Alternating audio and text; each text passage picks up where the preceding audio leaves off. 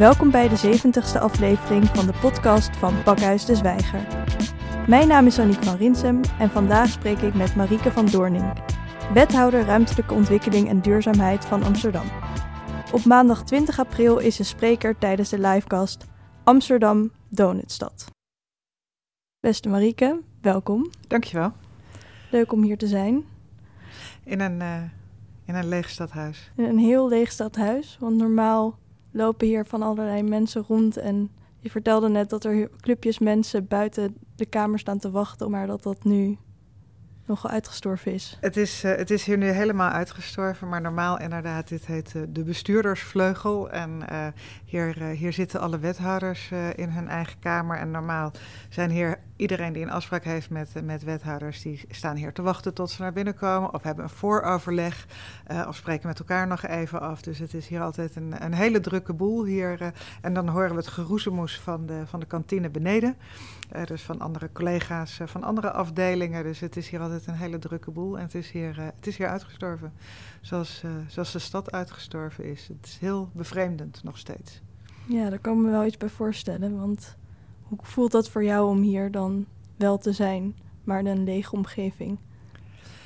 Nou, ik ben natuurlijk eigenlijk de hele tijd wel in gesprek. Want ik ben, als ik niet op Zoom zit, dan zit ik op FaceTime en anders zit ik wel in, uh, in Teams.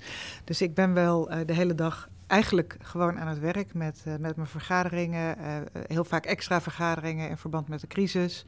Uh, veel extra, af en toe BMW-vergaderingen die er extra tussendoor komen. Dus ik ben de hele dag in, in gesprek en aan het werk, maar ook de hele dag alleen. Uh, want mijn collega's zijn er niet. Uh, de mensen die hier normaal rondlopen uh, zijn er niet. Dus ik, ik sta de hele dag in mijn eentje op mijn kamer achter mijn, achter mijn schermpje tegen dat scherm te praten. En dan pak ik op een gegeven moment dat scherm weer in, stop het in mijn tas en, en fiets naar huis. En dat is best gek, want dat ben ik niet gewend. Ik ben gewend om heel veel met mensen te praten, ook veel de stad in te gaan. Uh, niet alleen met ambtenaren te praten, maar juist ook met heel veel Amsterdammers, met bedrijven te praten over uh, ja, de belangrijke ruimtelijke uh, projecten in de stad en over de duurzame projecten in de stad. En daar heb ik natuurlijk heel erg veel plezier aan om dat te doen, want daarvoor doe ik het. Dus, maar nu zit ik het, is het toch veel uit vanuit mijn eigen kamer. En ik probeer af en toe nog wel. Nou, dan via online in ieder geval contact te houden met alle belangrijke partners in de stad. Maar het is natuurlijk heel anders dan dat je op bezoek gaat. Net als deze podcast uh, echt heel anders is. Ik ben gewend om vaak uh, in de zwijger erbij te zijn als er een een of ander interessant stadsgesprek is. Of dat nou over duurzaamheid gaat, over ruimtelijke ordening. Uh, dat doe ik altijd graag. En ook die avonden zijn, die zijn er nu niet meer. Dus het is een, het is een hele andere invulling van mijn werk reuze spannend in deze tijd. En het is eigenlijk ook weer niet te vergelijken wat uh, sommige van mijn collega's moeten doen. Als ik kijk naar mijn collega's op het gebied van zorg, uh, die natuurlijk echt vol aan de bak moeten. Uh, zowel medisch, maar ook gewoon heel erg kijken wat betekent dit voor mensen die geen dak boven hun hoofd hebben. Hoe kunnen we die zorgen dat die allemaal ergens binnen kunnen slapen. Maar ook mijn collega op onderwijs die zich natuurlijk vreselijke zorgen maakt over welke kinderen vallen nu buiten de boot.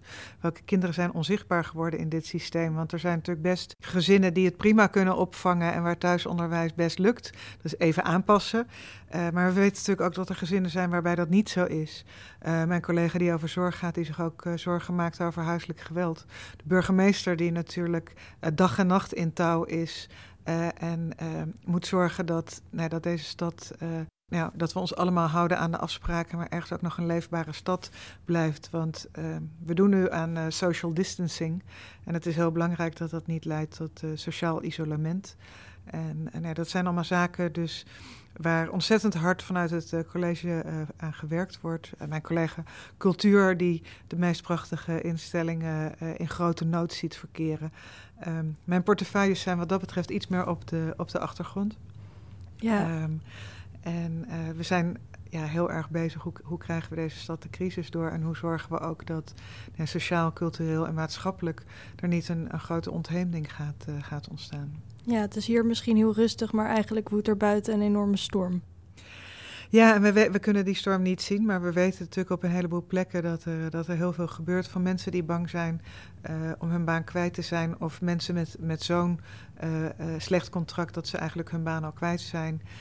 Mensen, wat ik al zei, uit de culturele sector, die van de ene op de andere dag hun hele programma's weg zien vallen. mensen in de horeca die nou, van allerlei verzinnen om toch maar door te kunnen gaan met, met afhaalmaaltijden. Ja. Er zijn ontzettend veel zorgen in de stad en uh, sommige zijn direct heel erg zichtbaar. Uh, en andere weten we dat die al sluimeren en die kunnen we nog niet meten, maar we weten dat, dat die er zijn. En we proberen overal vinger aan de pols te houden. Maar uh, dat is heel lastig omdat alles tegelijk komt. En we op zoveel plekken moeten opletten. En aan de andere kant ook zien hoe zwaar het voor sommige Amsterdammers is om echt aan die regels te houden. Want uh, sommigen van ons zijn gezegend met een lekker balkon of zelfs een tuin. We weten natuurlijk ook dat een heleboel Amsterdammers die luxe niet hebben. En hoe ga je dan in de lente om met zulke strikte maatregelen? Dat is echt heel zwaar. En uh, ik denk dat we ons terdege beseffen wat voor enorme inspanningen we van alle Amsterdammers vragen. En we weten ook dat het voor sommige Amsterdammers echt nog een stuk zwaarder is uh, dan voor anderen. En als we één ding moeten, echt moeten voorkomen, is dat eventuele sociale ongelijkheid niet groter wordt uh, door deze crisis. Ja, en wat zou daar aan gedaan kunnen worden? Of zijn daar al ideeën over? We, we, zijn druk aan het kijken en daarom ben ik ook heel blij dat er in Nederland geen volledige uh, lockdown is. Maar dat betekent ook dat op het moment dat mensen zich niet meer aan de regels houden, dat je dat bijna niet kan volhouden. Dus je moet heel erg op, op zoek naar het evenwicht dat mensen wel naar buiten kunnen en uh, wel het park in kunnen en te zorgen dat het park niet te druk wordt. Nou, dat is, dat is een, dat is een enorme uh, opgave. Aan de andere kant zie je ook dat we bijvoorbeeld dat scholen, die zijn natuurlijk, uh, die, die, die hebben plek voor kinderen met ouders met vitale beroepen. Maar inmiddels hebben scholen ook plek voor kinderen waarvan weten dat ze kwetsbaar zijn. En daar ben ik heel blij om dat ze die mogelijkheid hebben geboden. Want zo kunnen ja. we wel zorgen dat kinderen die anders echt heel erg in de problemen zouden komen, uh, dat we die kunnen helpen. Maar dat is. Um, ja, dat is op dit moment uh, roeien met de riemen die we, die we hebben. En wat ik al zei, uh, van een heleboel ellende die deze crisis veroorzaakt, uh, denken we dat het er is, maar hebben we het nog niet eens gezien. En, en zullen we straks, als de maatregelen versoepeld worden, pas de echte uitslag krijgen. Ja, dan gaan we pas echt de consequenties zien. Van... Dan gaan we pas echt alle consequenties zien, ja. ja. Je zei dat jouw werkzaamheden misschien ietsje meer op, een, op de achtergrond komen vergeleken met het belang van andere dossiers, maar alsnog gaat het ook gewoon door. En vorige week woensdag 8 april publiceerde de gemeente Amsterdam de strategie Amsterdam Circulair 2020-2025. En het is een plan voor de verduurzaming van onze stad.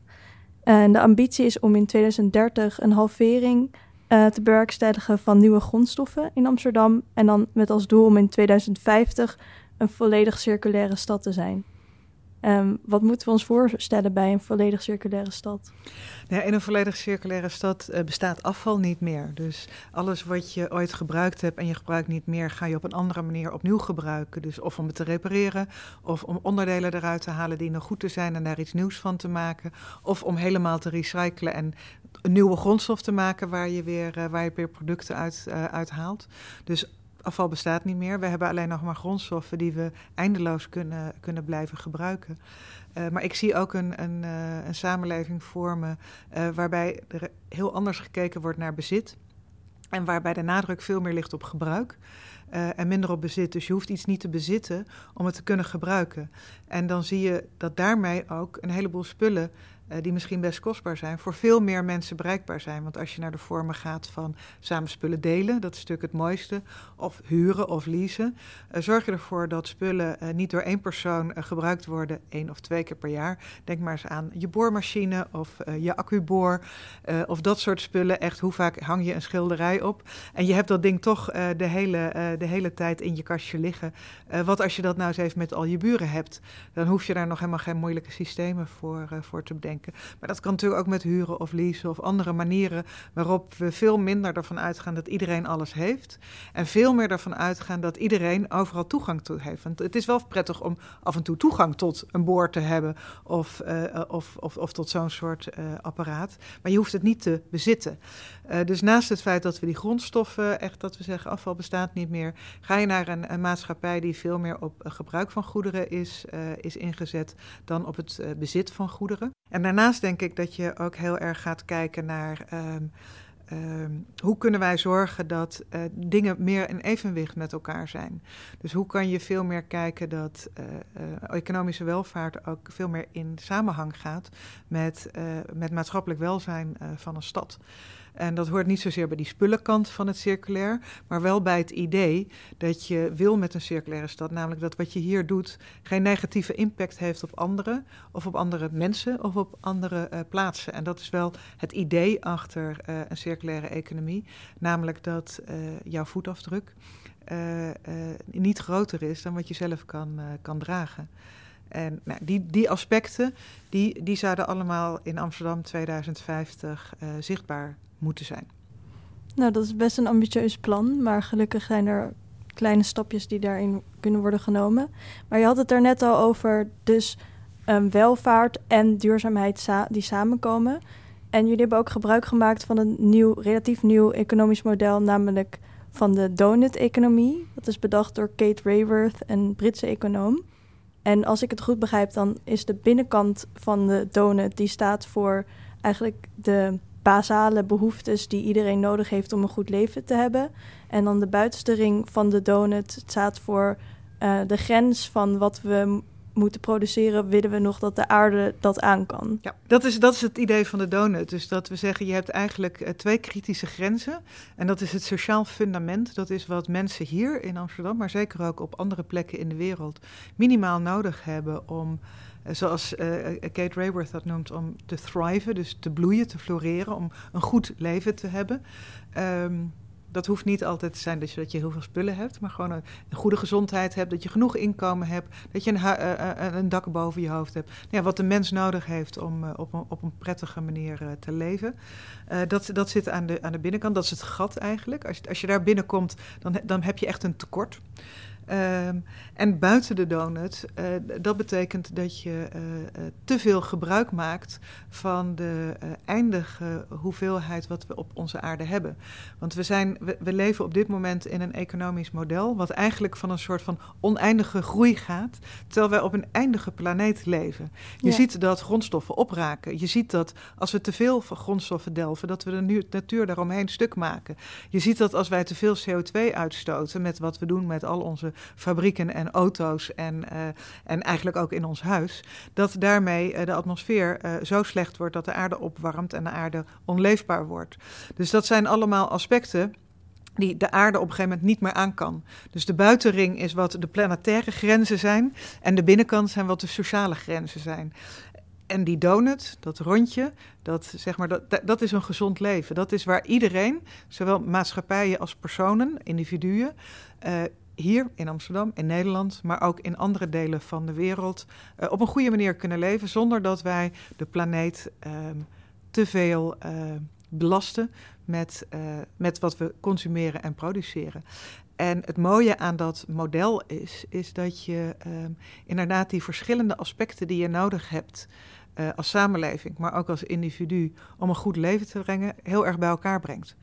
En ehm, het rare natuurlijk in de discussie, we hadden begonnen net over uh, wat, wat deze crisis uh, voor ons betekent. En dat je in de discussie heel vaak het verschil wat tegenover elkaar gezegd wordt, doen we het voor de gezondheid of doen we het voor de economie?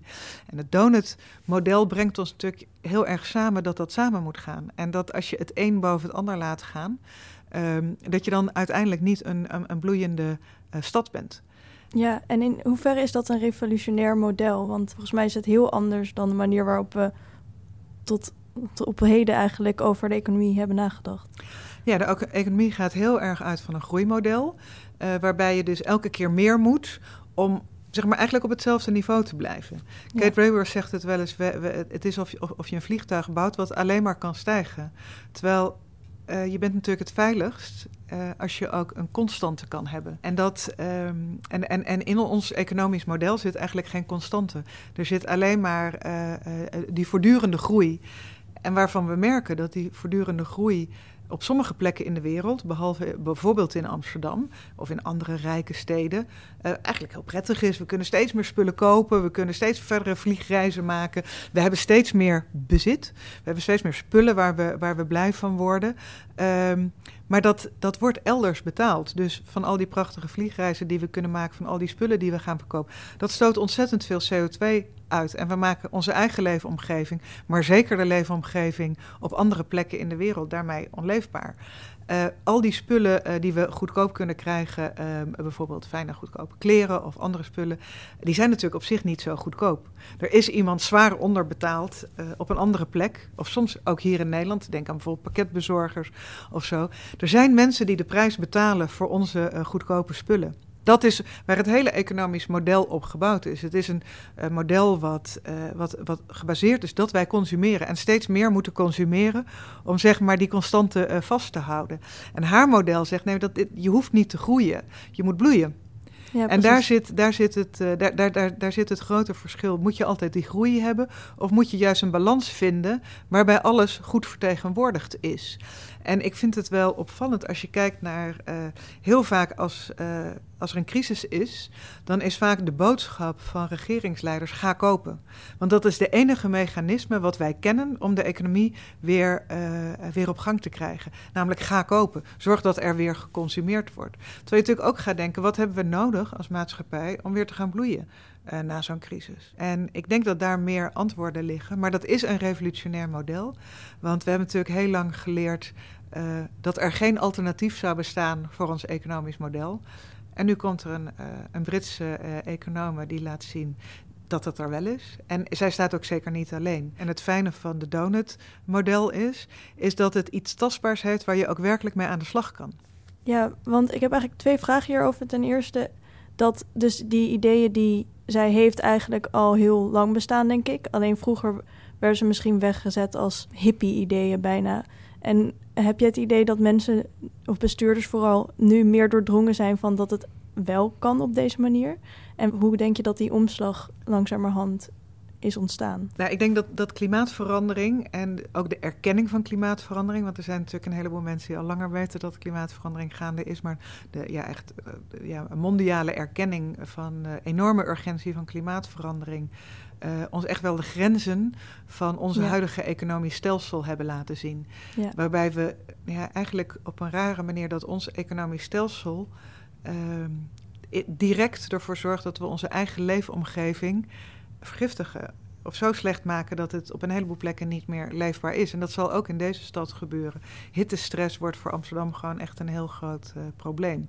En ik denk dat dat voor een heleboel mensen echt wel een enorm inzicht is geweest. Dat we, als het allemaal nog heel ver weg is, dan kan je dat nog een beetje wegduwen. Maar we zitten gewoon nu echt aan de grenzen van wat onze planeet aan kan. En Um, dat is ook steeds voelbaarder en merkbaarder. Ja. En ik denk dus dat, dat zeg maar, de urgentie van klimaatverandering ons ook echt noopt om naar een ander economisch stelsel uh, te gaan. En dat de circulaire economie um, ook heel aansprekelijk is om, uh, om een ander model. Want er wordt niet aan mensen gevraagd om iets in te leveren. Er wordt aan mensen gevraagd om anders te denken. Er wordt niks van je afgenomen. Er wordt je eigenlijk laten zien dat het anders kan. En dat je wellicht daar ook een prettiger leven door hebt, omdat je meer in balans bent. Nog wat ik in het begin zei.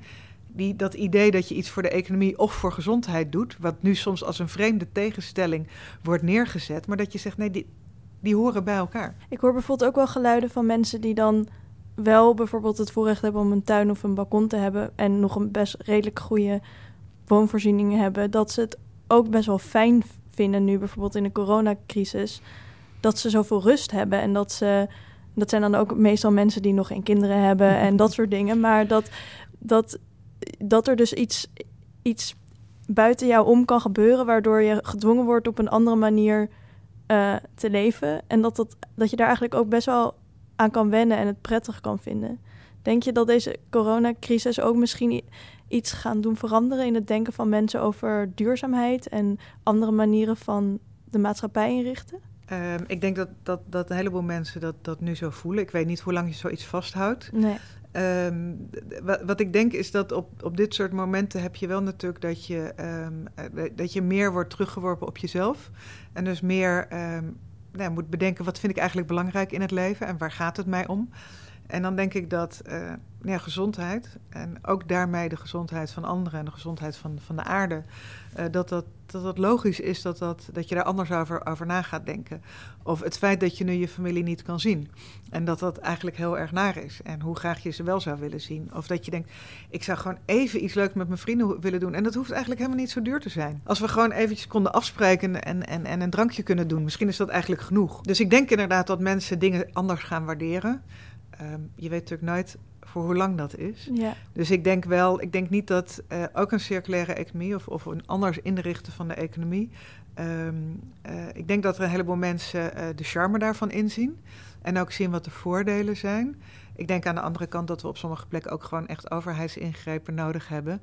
Om, uh, om ook werkelijk te zorgen dat, uh, dat zoiets gebeurt. En dan kijk, kijk ik bijvoorbeeld naar producenten van, uh, van goederen of naar vervuilende industrie. Um, die, daar, daar, daar, zullen we toch als overheid moeten ingrijpen als we, dat, uh, als we dat anders willen. En dat komt niet omdat opeens Amsterdammers zeggen... We, uh, nou, we willen op een hele andere manier gaan leven. Ja, want als je zegt een stad waarin helemaal geen afval meer is... dan lijkt me, het lijkt me voor de meeste mensen best wel complex... dat je helemaal geen afval meer kan produceren... en uh, gaat dat heel veel moeite kosten, vraag ik me af. Wat, wat houdt dat in voor concreet voor een individu? Nou, wat het, uh, wat het denk ik in de eerste jaren met name inhoudt, is dat we uh, steeds meer gaan kijken van moet je nou iets weggooien of kan je het zelf nog een keer gebruiken? kan je het laten repareren? Een heleboel spullen tegenwoordig zijn niet te repareren. Je koopt iets wat eigenlijk gemaakt is om zo snel mogelijk weer weg te kopen, gooien, zodat je weer iets nieuws gaat kopen. Wat eigenlijk heel bizar is. Maar... Eigenlijk idioot, maar dat ja. hoort natuurlijk bij waar onze economie op gestoeld is, namelijk die, ja, die stijgende lijn maar vol te houden. He, we hebben een lineaire economie, terwijl we naar een circulaire economie die, elkaar, die zichzelf de hele tijd versterkt. Um, dus dat. Um, ja, dat we erachter komen dat een heleboel van onze spullen die we best zouden willen laten repareren, niet te repareren valt. Dus dat zei ik, dat, daar zullen we producenten op moeten aanspreken. En dat zal gewoon overheidsregulering zijn. Dat we zowel op nationaal, maar ik denk ook zeker op Europees verband, uh, met producenten gewoon regels moeten vaststellen dat dingen gerepareerd moeten kunnen worden. Dus dat ze zo gemaakt worden dat ze ook weer makkelijk uit elkaar te halen zijn. Of om te repareren, of om als er één onderdeel of er meerdere onderdelen stuk zijn, dat je de losse onderdelen die het nog wel doen, dat je die weer voor iets anders kan gebruiken. En de onderdelen die het niet doet, dat je die echt helemaal uit elkaar haalt en daar de afhankelijke grondstoffen uithaalt om vervolgens het weer in een ander apparaat te stoppen. Uh, dat, dat vraagt echt om een andere manier van, uh, van maken. En je weet dat het kan. Vroeger hadden we gloeilampen en die deden het best wel kort. Wat een heleboel bedrijven die lampen maken nu doen, is dat ze licht leasen. Waarbij het bedrijf er dus iets aan heeft dat dat licht het zo lang mogelijk doet. Wel eerst had het bedrijf er iets aan dat het zo snel mogelijk stuk ging. Ja. Dus op die manier kan je ook echt een incentive geven aan bedrijven om iets te maken wat het zo lang mogelijk doet. En op het moment dat het het niet meer doet, echt niet meer doet, dat je het heel goed uit elkaar kan halen om het vervolgens in, in gedeelte weer opnieuw te ga, gaan gebruiken. Dus wat Amsterdammers gaan zien, hopelijk, is dat ze veel meer dingen kunnen gaan repareren. Dus dat je iets niet weg hoeft te gooien. Uh, Amsterdammers die gaan zien dat, dat het hergebruik van spullen, dat dat ook in hun eigen huishouden makkelijker uh, gaat worden. Uh, bijvoorbeeld, waar we nu nog afvalpunten hebben, waar je gewoon je grof vuil brengt, willen wij ook dat de kringloopwinkel daar komt te zitten. Dus jouw grof vuil wordt onmiddellijk een gebruiksartikel voor iemand die dat daar gaat nemen. Als je nu zelf naar de kringloop hebt, heb je dat natuurlijk. Maar naar het grof vuil, dan wordt het nog zichtbaarder. Uh, of bij het grof vuil, of bij de, bij de uh, afvalpunten, dus worden recyclepunten, komt ook een reparatiewinkel. Dus daar kan je het zelf repareren of kapotte spullen worden daar gerepareerd om vervolgens naar de kringloopwinkel die daar ook zit. Maar gaat handarbeid dan ook bijvoorbeeld weer een grotere rol spelen in ons onderwijs? Of gaan we veel meer mensen opleiden om dat voor anderen te doen? Het mooie natuurlijk van de circulaire economie is, is dat er heel veel werkgelegenheid mee geboeid is. Uh, denk er maar aan dat je, om al die spullen uit elkaar te halen, of weer in elkaar te zetten of te repareren. Dus ja, nou, ambachtelijk werk uh, zal weer terugkomen. En het, uh, wat ik er het interessante aan vind, het is ja, dat ambachtelijk werk, dus echt het, ja, met je handen werken, uh, komt, weer, komt weer veel meer terug. Maar ook ja, hele hippe start-ups die gaan bedenken hoe kan je iets nou zo goed mogelijk ontwerpen, zodat het zo goed mogelijk weer uit elkaar te halen is, zodat het zo goed mogelijk weer te hergebruiken is in verschillende dingen. Dus ik denk dat het werkgelegenheid creëert, juist op heel veel vlakken. Dus van het uit elkaar halen van spullen tot het bedenken hoe moet je iets zo maken. Um, dus het is, het is een enorme werkgelegenheid van, uh, van, ja, van, van technisch opgeleid naar juist heel erg uh, meer handarbeid. Uh, en, en, en, grote bedrijven en, en kleine bedrijven. En daar zal ons onderwijs denk ik ook op mee, mee moeten gaan, dat ze dat bieden. Um, nou is het wel zo dat als je arbeidsintensief werk hebt... Op dit moment hebben wij hoge belasting op arbeid en vrij lage belasting op primaire grondstoffen die ergens in een mijn gedolven worden. Nu is het dus eigenlijk altijd goedkoper om iets nieuws te kopen dan iets te hergebruiken of te repareren, want die arbeid is zo duur. Als je dat omdraait en het winnen van grondstoffen, dat wordt veel meer belast en het uh, arbeid wordt goedkoper, dan heb je en een heleboel mensen aan het werk en je hebt dus veel meer dat het loont om te uh, repareren. Of dat het loont om iets te recyclen. Want dat is natuurlijk nu heel vaak het probleem van een wegwerpmaatschappij is dat het makkelijk is om iets weg te gooien, maar dat het ook eigenlijk nauwelijks loont om het te bewaren. Dus waarom, waarom zou je het doen? En ook zelf als je dus als je dus heel graag eigenlijk duurzaam met je spullen om wil gaan of je bent heel erg gehecht aan de spullen die je hebt, dan alsnog kost het je waarschijnlijk echt een dag om iets te repareren en dan moet je weer allemaal kleine dingetjes gaan kopen om dat te repareren en dat is heel, heel tijdsintensief en heel duur. Dus ja. ik heb ook wel vaak dingen weggegooid waarvan ik eigenlijk vond dat ik ze niet weg had moeten gooien. Maar dat was gewoon voor mij dan te veel gedoe. Ja, dus dat zit denk ik in, in, in twee dingen. En we willen, uh, nou, wat ik al zei, we moeten echt uh, regelgeving hebben dat producenten dingen maken om te repareren in plaats van dingen maken om kapot te gaan. Um, maar ook dat we er zelf uh, anders naar gaan kijken. En ik denk de, de rol van Amsterdam is om heel erg aan Amsterdammers te laten zien dat het kan. Ik weet dat mijn moeder, het is wel denk ik twintig jaar geleden, misschien nog wel langer, maar die had een klein fotolijstje uh, van de Blokker of van de Hema. En dat was stuk gevallen, dus het glas was stuk. En toen is ze naar een glaszetter gegaan om een nieuw glazen plaatje voor dat lijstje te kopen. En ik heb er zo uitgelachen. En ik zeg, je gaat toch gewoon naar de Blokker of de Hema en je koopt een nieuw lijstje. Maar zij komt nog uit een tijd dat dat normaal was. dus die wegwerpmaatschappij, die is helemaal niet zo, die is niet al eeuwen oud. Dat is eigenlijk onze ouders, en dan, nou ja, ik ben best wel oud, dus voor de meeste mensen hun grootouders, ja. was dat nog de normale gang van zaken. Het normaal dat je dingen repareert. Dus um, het is ook niet zo'n gekke wereld. Hè? Het is een wereld waar we eigenlijk vandaan komen. Dat je zuinig bent op spullen, dat je spullen lang doorgebruikt. En uh, dat je dingen hebt om te gebruiken en niet specifiek om, uh, om te bezitten. Ja, ik denk dat veel mensen ook wel voelen dat we zijn doorgeslagen in het weggooien en het steeds maar meer willen. Dus ik denk dat er ook wel, in ieder geval in mijn generatie, veel mensen zijn die ook ergens heel blij zijn dat er nu echt stoppen worden ondernomen om een andere maatschappij in te gaan. Ik denk het wel. Als je bijvoorbeeld kijkt naar festivals, dan denk je niet meteen aan, aan, aan duurzaam, dan denk je toch meestal aan feesten. En daar hebben we een, als, als stad hebben we daar een, uh, hebben daar een stappen in gezet om die steeds duurzamer te maken en ook circulair. Dan merken we dat daar eigenlijk dat iedereen daar positief over is. Dus ja. uh, dat je geen uh, single-use plastics, dus weggooi plastic meer hebt, maar alleen maar die hard cups die je moet uh, met statiegeld, hebben we nog nooit klachten over gehoord. Mensen denken, ja, natuurlijk logisch. Ja. Waarom zou je gaan staan dansen in een, in een meter uh, plastic? Ja. Als je gewoon met één kopje of met één glas uh, en, en statiegeld dat elke keer terugbrengt. Dus heel vaak is het ook heel logisch. En we denken heel vaak dat mensen dat niet willen. Maar deze verandering is heel logisch. Alleen we moeten wel zorgen dat, dat het ook lukt, wat jij zei ja, er zijn heel veel spullen die ik weggegooid, die ik best had willen repareren, maar dat, dat zit er gewoon eigenlijk niet in.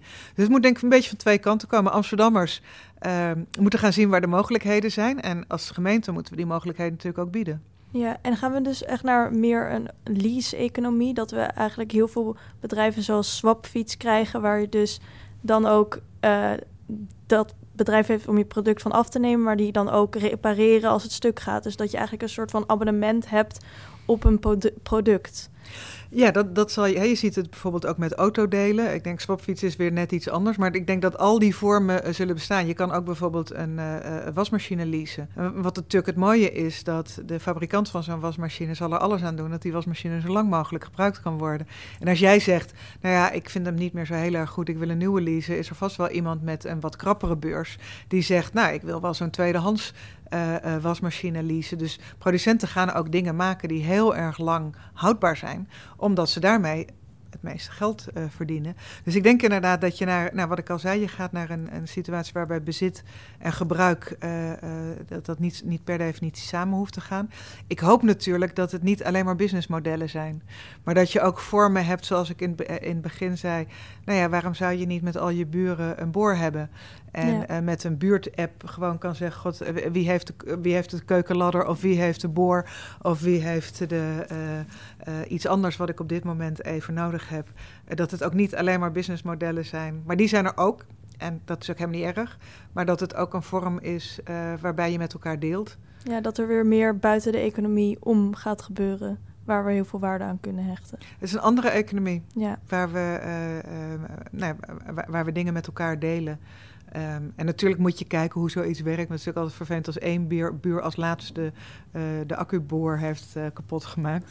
hoe, hoe, ga je daarmee om? Dus het is, niet, uh, het is niet meteen een model waarvan je gaat. Maar ik bedoel meer, je kan op verschillende manieren kan je, kan je zo'n deel-economie vormgeven. En ja. voor een deel zitten daar gewoon professionele partijen achter. Maar je zou ook delen kunnen zien...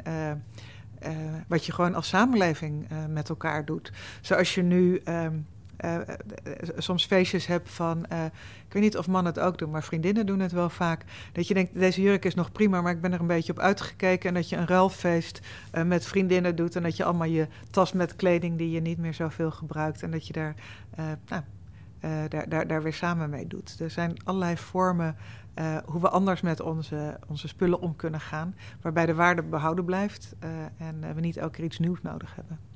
Je zei net dat die donut eigenlijk best wel een concreet model geeft om dingen mee te meten. Maar zijn er echt economen die dan een donutmodel uit kunnen rekenen? En hoe zou je zoiets doen en hoe werkt dat? Nou, wat, wat Kate Rayworth voor ons gedaan heeft, uh, is, uh, is, is de donut voor Amsterdam gemaakt. Zij doet dat met uh, lenzen, zoals dat noemen, dus perspectieven. En dan kijkt ze van nou, als je kijkt wat belangrijk is, waar, waar zeg maar die sociale uh, fundament ligt, hoe doet Amsterdam dat dan voor zichzelf? Nou, dan hebben we bijvoorbeeld gezien dat, dat in Amsterdam een heleboel dingen best goed gaan. Maar dat als het gaat om huurprijzen en woningprijzen, dat dat echt voor een heleboel Amsterdammers best uh, onmogelijk wordt om, om dat nog te kunnen betalen. Dus daar zakken wij bijna door ons eigen uh, sociale fundament heen. Ja. Um, als je kijkt wat, wat, wat, wat wij de sociale kant op andere plekken in de wereld. Uh, nou, daar, daar, daar, kunnen we echt nog heel wat aan doen. Hè, in, de, in de haven hier in Amsterdam wordt heel veel cacao opgeslagen. Maar eigenlijk weten we niks uh, onder welke omstandigheden die cacaobonen geplukt zijn. Um, dus en als je dan nog kijkt naar, naar onze leefomgeving, dan zie je dat wij voor onze eigen leefomgeving al heel erg ons best doen. Dus we zijn nu klimaatbestendig aan het bouwen. We zijn heel veel groen proberen toe te voegen aan de stad om die hittestress tegen te gaan. Uh, ons eigen water in onze sloten uh, is steeds schoner. Maar als je ziet dat waar wij gebruik van maken, dus wat geproduceerd wordt voor ons, maar niet door ons en dus ook niet hier, dan is er overbevissing in heel veel oceanen. Dan is er ontzettend veel uh, watervervuiling door dat, de kledingindustrie. Daar, dat werd voorheen ook helemaal niet meegenomen in beleid. Nee. Nee. En nu is er eigenlijk, dit is, is dit echt de eerste stap waarmee dit wel mee wordt genomen in beleid? Dit, dit is voor de eerste keer dat we een beeld hebben, uh, dat ons eigenlijk een spiegel wordt voorgehouden van, nou, dit is de impact van alles wat jullie doen als stad. Uh, wat, dat, wat de weerslag is op je eigen stad, op je eigen leefomgeving, op je eigen sociale fundament, maar ook op de leefomgeving op de rest van de wereld en, en die planetaire grenzen. Um, en dat is. Uh, Kate Rayworth heeft dat ook uh, uh, bepaald of, of berekend op onze eigen doelstellingen. Dus die heeft het coalitieakkoord van Amsterdam daarbij gehaald. En heeft gezegd, ja. nou dit willen jullie zijn. En zover zijn jullie eigenlijk. Op sommige punten zit je best goed, maar op andere punten zit je zwaar in het rood. Want eigenlijk ja, teer je in op, op de aarde die bedoeld is voor je kinderen. Maar hoe zorg je ervoor dat, die, dat dus ook die externaliteiten in het buitenland echt mee worden genomen in beslissingen die we hier maken. En kunnen we daar, moeten we daar legaal dingen op in gaan zetten? Of hoe, hoe kijk je daar tegenaan? Nou ja, bijvoorbeeld als gemeente, ik, weet, sommige dingen zijn, uh, zijn best makkelijk. Je, wij proberen alles fairtrade in te kopen als gemeente. Nou, dan zit je met je cacaobonen en je koffie, doe je je best. Maar dat moet je dan natuurlijk ook goed verifiëren of het, of het allemaal klopt. maar op die manier kan je er naar kijken. Je kan kijken wat, ehm, wat je met ehm, als gemeente dan puur zelf.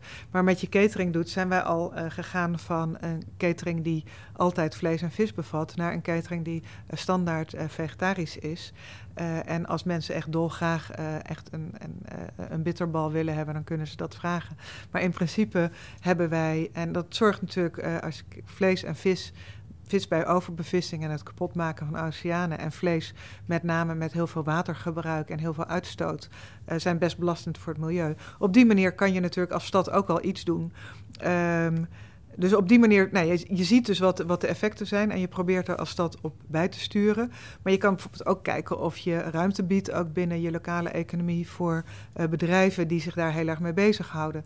Ik denk dat we als Amsterdam best trots mogen zijn dat de Fairphone of Tony Chocolonely uh, in Amsterdam begonnen zijn. Dat zijn natuurlijk bedrijven die juist op die manier heel erg willen werken. En heel erg willen kijken van hoe kunnen we producten maken waarbij uh, de impact die we hebben op, op anderen zo klein mogelijk is, of in ieder geval zo, zo positief mogelijk uh, is. Ja, en kan je andere bedrijven die dus daar niet mee bezig zich nog houden, daar op een gegeven moment ook gaan dwingen dat ze zich daar wel meer of dat ze in ieder geval verantwoordelijk moeten afleggen voor de werkzaamheden en de milieuvervuiling in het buitenland? Nee, je zou, je zou natuurlijk wel, ten eerste in het binnenland zou je dat al moeten doen. CO2-beprijzing is, daar een, is daar een hele goede voor en dat, uh, dat, dat schiet gewoon uh, nog niet op. Um, in, in, Nederland. En dat wordt nu ook weer vertraagd uh, door de coronacrisis. En dat is heel jammer, want waarom zou je dat uh, vertragen? Dat, ik snap dat een heleboel dingen door de crisis stil komen liggen. Maar die CO2-beprijzing kan, uh, kan gewoon doorgaan. dus dat zou je hier al moeten doen. Maar je kan het ook laten meewegen in de keuzes die je maakt voor de producten die je koopt. Hè. Je kan natuurlijk als gemeente ook zorgen dat je zelf nou ja, een bewuste consument bent. En dus het verplicht hoeft nog niet eens. Je kan gewoon zorgen dat wat jij koopt, uh, in ieder geval goed is. En daar proberen we als hè, we proberen circulair zoveel mogelijk in te kopen, maar ook te denken aan, aan fair trade en wat, uh, ja, wat de ecologische footprint is van de producten die wij, uh, die wij aanschaffen. Maar bijvoorbeeld, je kan daar ook naar kijken naar de bedrijven die je binnen die gemeentegrens de ruimte geeft of niet. Um, voor een deel zal dat denk ik ook echt vanuit Nederlandse wetgeving en Europese wetgeving uh, moeten kopen. Maar wat heel erg goed is, is denk ik dat, je, uh, van, dat we van steeds meer producten gaan berekenen wat de reële prijs is. En dat is vaak niet wat er uh, op het prijskaartje staat in de winkel wat wij zien. Als je de reële, reële prijs neemt, dan moet je inderdaad ook meenemen wat voor vervuiling het heeft gezorgd.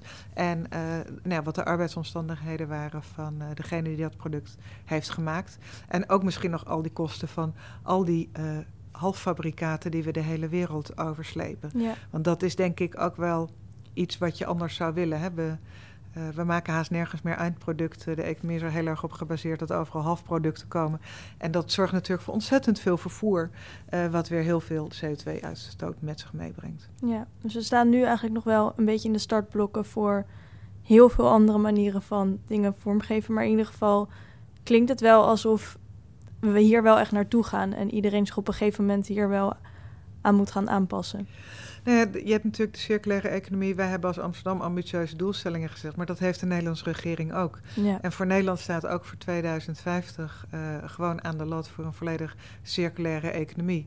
Ik denk het verschil in Amsterdam op dit moment uh, dat wij ook dat heel erg combineren met uh, niet alleen CO2-uitstoot, maar ook die uh, die samenleving die meer op welzijn, op brede welvaart is uh, gestoeld. Uh, gestoeld.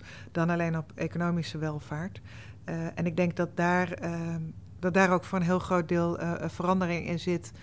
waar misschien niet iedereen, maar denk ik een groot deel van de bevolking ook best, ook best naar uitkijkt. Ja, en biedt dit, deze systeemverandering naar meer circulaire economie kansen om ongelijkheid ook terug te dringen? Of gaat het juist misschien ook weer op sommige vlakken ongelijkheid in de kaart spelen, omdat heel veel producten die dus nu heel goedkoop in de winkels kunnen worden gekocht, straks duurder gaan worden, omdat er dus meer rekening wordt gehouden met de impact die ze hebben. Ehm, ik, ik ga ervan uit dat uh, sommige producten duurder worden, maar dat je er veel langer mee gaat doen.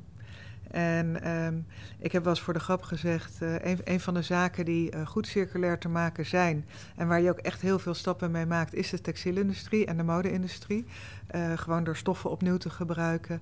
En het zou toch mooi zijn als, als het op een gegeven moment een statement wordt dat je zegt: hey, heeft zij die jurk alweer aan? Wat gaaf. Ja.